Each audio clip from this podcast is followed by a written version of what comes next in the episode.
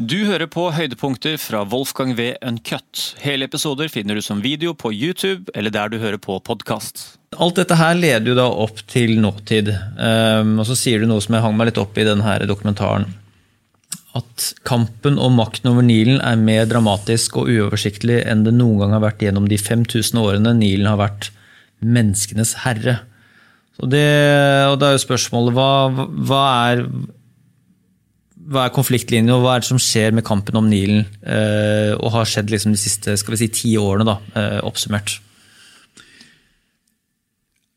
Nei, Det første som har skjedd, er jo at langt flere aktører kan du si, har kommet på banen. Altså Langt flere stater har begynt å reise krav om mer tilgang til Nilen, og utarbeide planer for å bruke større deler av Nilen.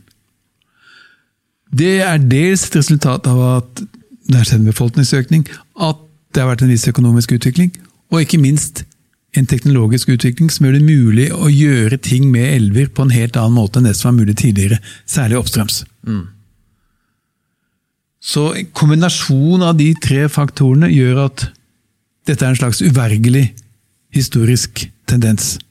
Det er det som har skjedd de siste tiårene, er noe som vil komme til å fortsette å skje, og i større og større grad. Om enn med sine ups and downs. Sånn at Det betyr at plutselig har land som Rwanda Du har jo snakket med presidenten i Rwanda, Kagame, men de har ikke vært opptatt av Nilen i det hele tatt. Men nå er de det. Mm. Fordi at Nilen kommer jo derfra. Det var jo noe som omverdenen oppdaget da under folkemordet i Rwanda, som begynte, som jeg også skriver om, flyte lik ned i Viktoriasjøen. Fordi at en bielv til Nilen så å si krysser gjennom hele Rwanda og ble brukt som en gravplass um, da Huti-nasjonalistene ville kvitte seg med Rwanda, altså mm. tutsiene for godt. Uh, men nå er de liksom uh, definerer de seg som en slags Nilstat.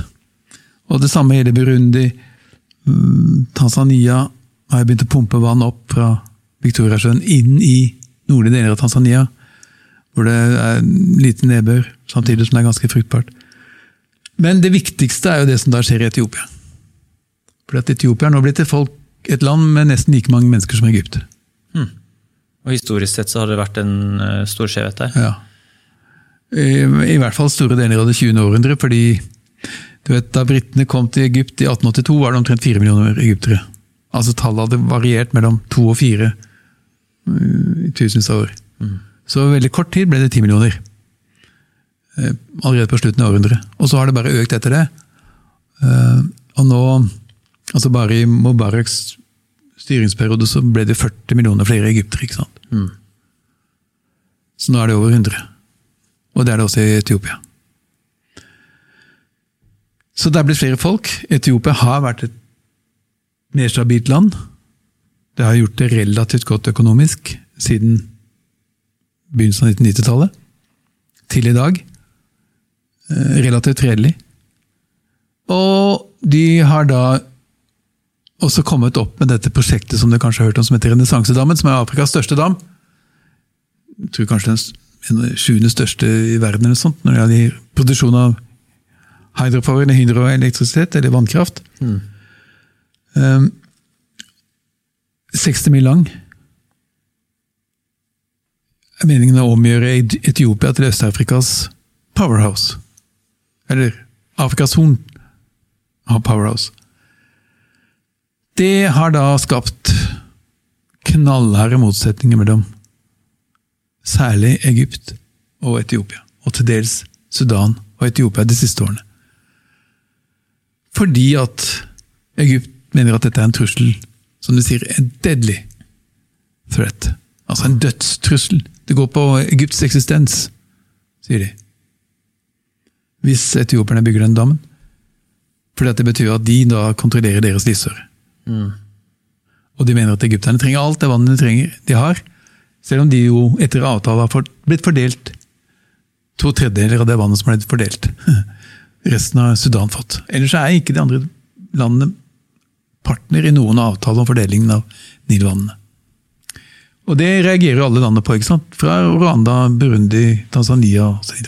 Dette er koloniale avtaler, sier de. Kan ikke gjelde. Mens Egypt sier koloniale avtaler de må gjelde like fullt som andre avtaler. Hvordan skulle verden ellers se ut? Hvis Pga. et regimeskifte så kan man si gjelder ikke oss. Mens da de tidligere koloniene sier at ja, dette er ikke et hvilket som helst regimeskifte. Det var europeiske kolonialister som på våre vegne inngikk disse avtalene. En av mange mange konflikter. Mm. Mens i Etiopia så var det ikke britene som inngikk avtale. Jo, det var britene òg, men var, der var jo også keiseren Etiopia involvert. Men i hvert fall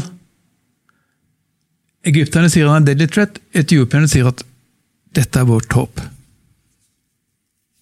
90% av vannet i Nilen kommer fra oss. Skal ikke vi få lov til å utnytte noe av det? Til kraft. Det vil jo passere igjennom. Dere vil jo få det, men vi trenger å øh, fylle vannet i en, en demning i en periode, ja, vi skjønner at det vil gå utover dere, men vi trenger det for å kunne generere kraften. Mm. Dere sier at vi ikke kan det i henhold til internasjonale avtaler. Ja, sorry, men vi er nødt til å gjøre det likevel.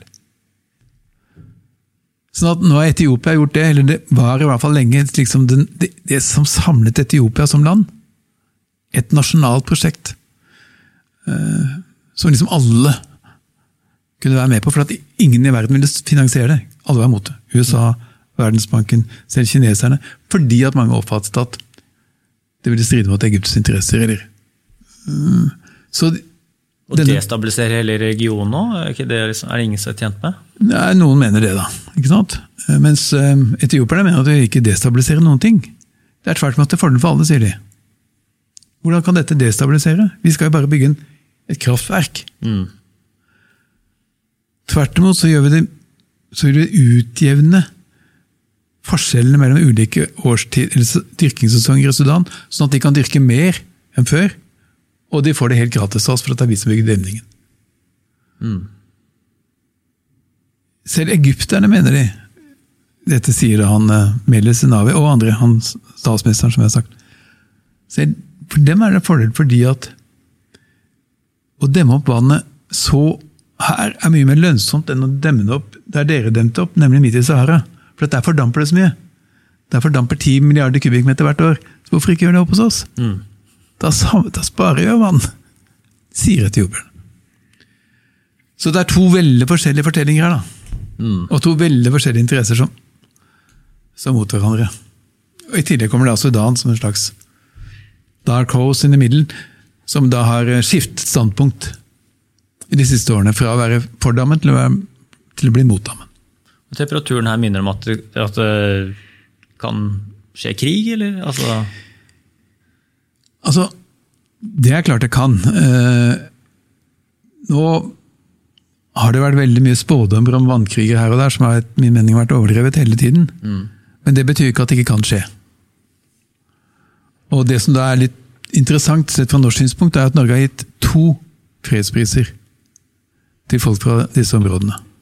Først Anar Sadat, som jeg snakket med i sted, så fikk fredsprisen pga. samarbeidet med altså Camp David-avtalen og anerkjennelsen hans av Israel. Det har jo ført til at Egypt senere har vært en sikker alliert med Vesten og Israel vis-à-vis resten av arabverden. Uh, han fikk fredsprisen, reiste tilbake til Etiopia og sa vi nøler ikke med å gå til krig hvis noen tar én dråpe av vårt Nilvann. Det var 1979. Mm. I 2019, altså nøyaktig 50-40 år etterpå, mm. så gir Norge fredsprisen til Abiy Ahmed, Etiopias statsminister, for at han hadde skapt en fredsavtale på nytt mellom Etiopia og Eritrea, som nå jo lå i en blodig krig rundt 2000-tallet. Og hvor de ikke hadde klart å bli enige om endelig grenselinje og sånt. Han kommer tilbake til Etiopia og sier vi må kunne gå til krig til forsvar for våre interesser i Nilen. Så begge de to som Norge med mange gode argumenter ga fredsprisen. Til tross for det politiske de politiske omkostningene det hadde på disse statslederne å komme tilbake så å si, og snakke om krig, så gjorde det fordi at begge to oppfatter det som så viktig. Det sier det meste. Mm. To fredens menn som eh, med, med, lav terskel for å Når det gjelder Nilen. Når det gjelder Nilen. Og nå kan du si at er det en krig som allerede pågår? Noen mener jo det. Den, nå er det krig i Etiopia, ikke sant? Eh, mellom ulike regioner. Og det er, noe, det er en borgerkrig? Ja, ja. Eh, mellom eh, TPLF, altså Tigrays People Liberation Front, som da tidligere var en del av regjeringen, som president Meles Zenawi i sin tid stiftet. Altså Dette er TPLF, det er en organisasjon som Kirkens Nødhjelp og Norge og amerikansk regjering bidro til at fikk makten i Etiopia i begynnelsen av 1992, begynnelsen av 1990-tallet. Men de trakk seg da ut av den nye regjeringen til Abiy Ahmed, Ahmed og vil da ha større regional autonomi enn det han tillot og mange andre grunner. Så nå er de på krigefot, og de marsjerer nærmere Addis Ababa, hovedstaden i Etiopia, for hver uke som går. Mm. Uhyre dramatisk. Abiy Ahmed sa i går, tror jeg, for to dager siden, at han vil nå selv dra til felten og lede soldatene i krig. Om det er tilfelle, om det er retorikk, det vet jeg ikke, men det sier noe om hvor spent dette er. Og veldig veldig mange oppfatter at dette er en proxykrig, altså at det er Egypt og til dels Sudan som i realiteten finansierer, og kanskje også USA, som i realiteten finansierer og støtter opp om denne opprørsbevegelsen militært og økonomisk. Er, er fortellingene som går. Mm. Jeg har ikke muligheten til å verifisere noe av dette her, eller, eller eh, forkaste disse fortellingene. Men det som skjer, da, det, det, er som, det, er helt i tråd med hva som har vært etiopernes frykt hele veien, og som Meles Navi også snakker om i, i episode tre i den dokumentaren du snakker om. Mm. At alle krigene på Afrikas Horn, sier han, det er egentlig egypternes verk. De har prøvd å destabilisere Etiopia alltid, fordi at de vet at et stabilt Etiopia vil bygge dammer. Et destabilisert Etiopia vil ha mer enn nok med å krige og drepe hverandre. Mm. Uh, sånn at det er en sånn fortolkning som mange etioper har. Ikke til Gren, så klart, men mange andre etioper. Så sånn ikke sant? Sånn at På den ene siden så er det Etiopia som oppfatt, Egypt som sier at dette er en dødstrussel. Og Da vil mange etiopiere si at ja, men det er noe bare de sier. Det er denne måten de opprettholder makten sin overfor befolkningen. Mm. De skal liksom være de som forsvarer Egypts interesser i Nilen, mens come on! Det vi vil gjøre, har ingen, nesten ingen effekt på Nilens vannføring, egentlig, sier etiopierne. Og så sier egypterne stemmer ikke. Vi frykter deres kontroll. Vi kan ikke tillate det.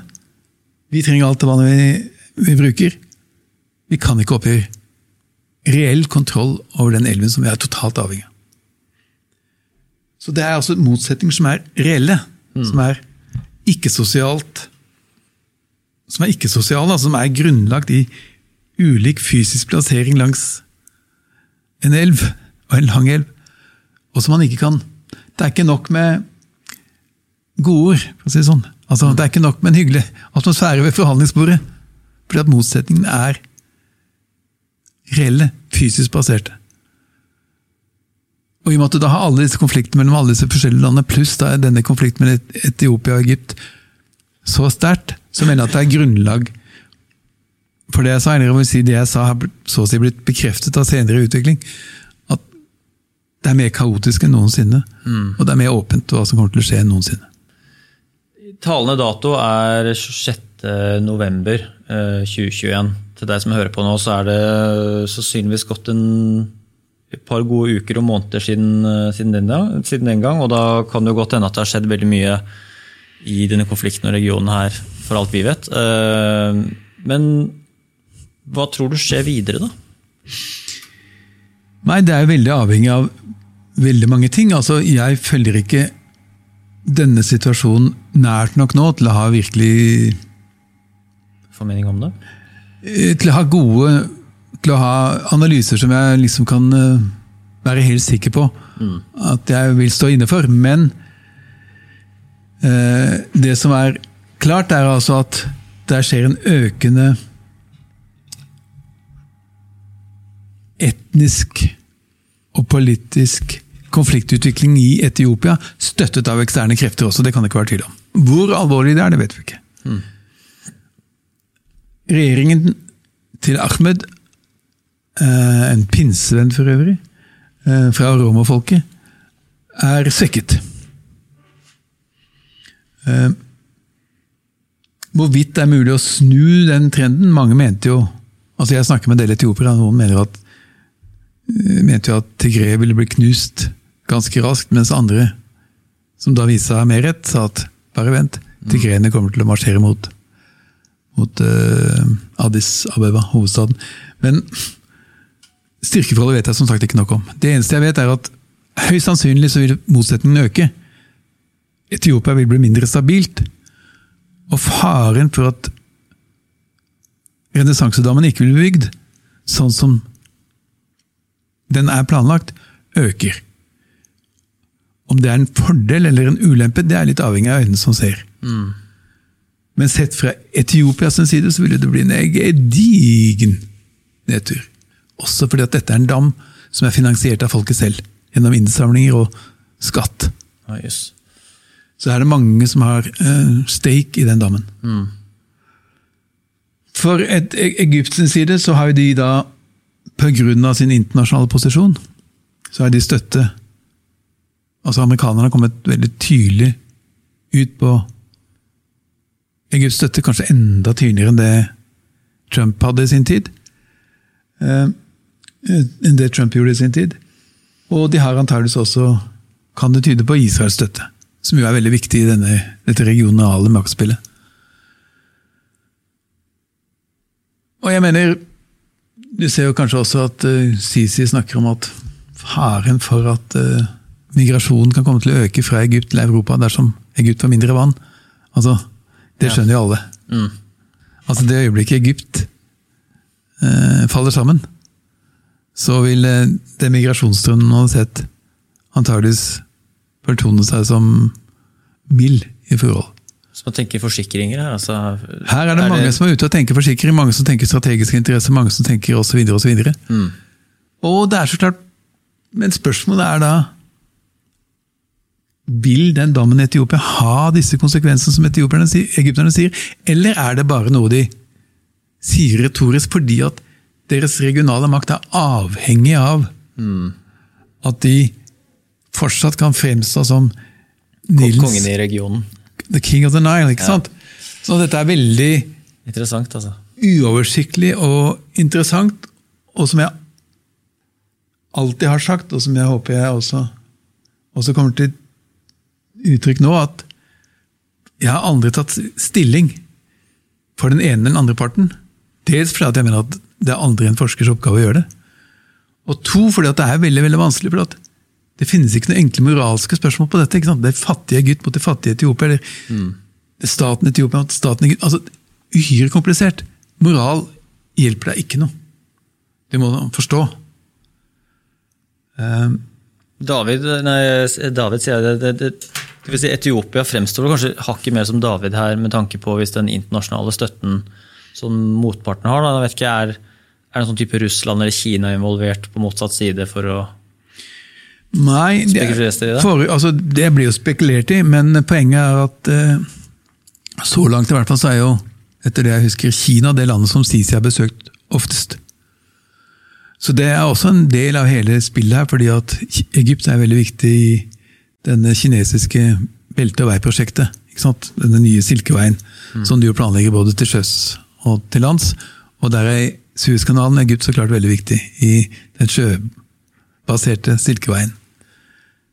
Så Sisi har besøkt altså Kina oftere enn noe annet land.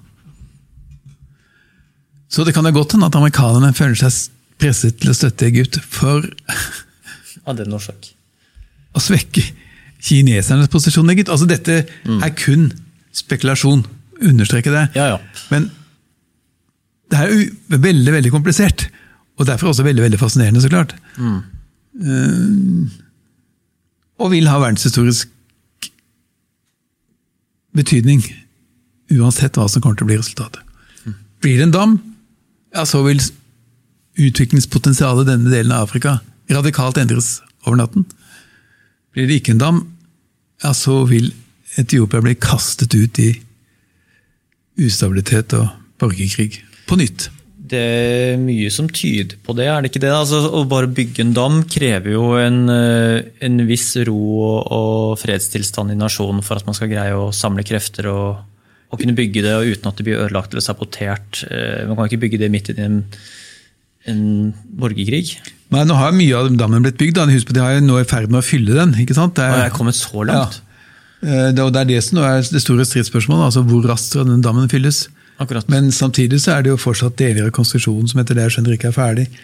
Og noen mener at de er bygd på et område som er full av jord, jordskjelvpotensial. Altså Alle mulige slags argumenter blir brukt for og mot den dammen. Eh, så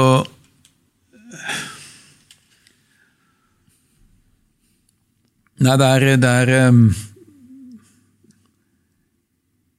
Du kan si at denne, denne dammen kan fungere som en slags prisme for å studere eh, regional storpolitikk, men også mer global storpolitikk, i og med at det selvsagt har betydning også for USAs og Kinas, Russlands og Israels.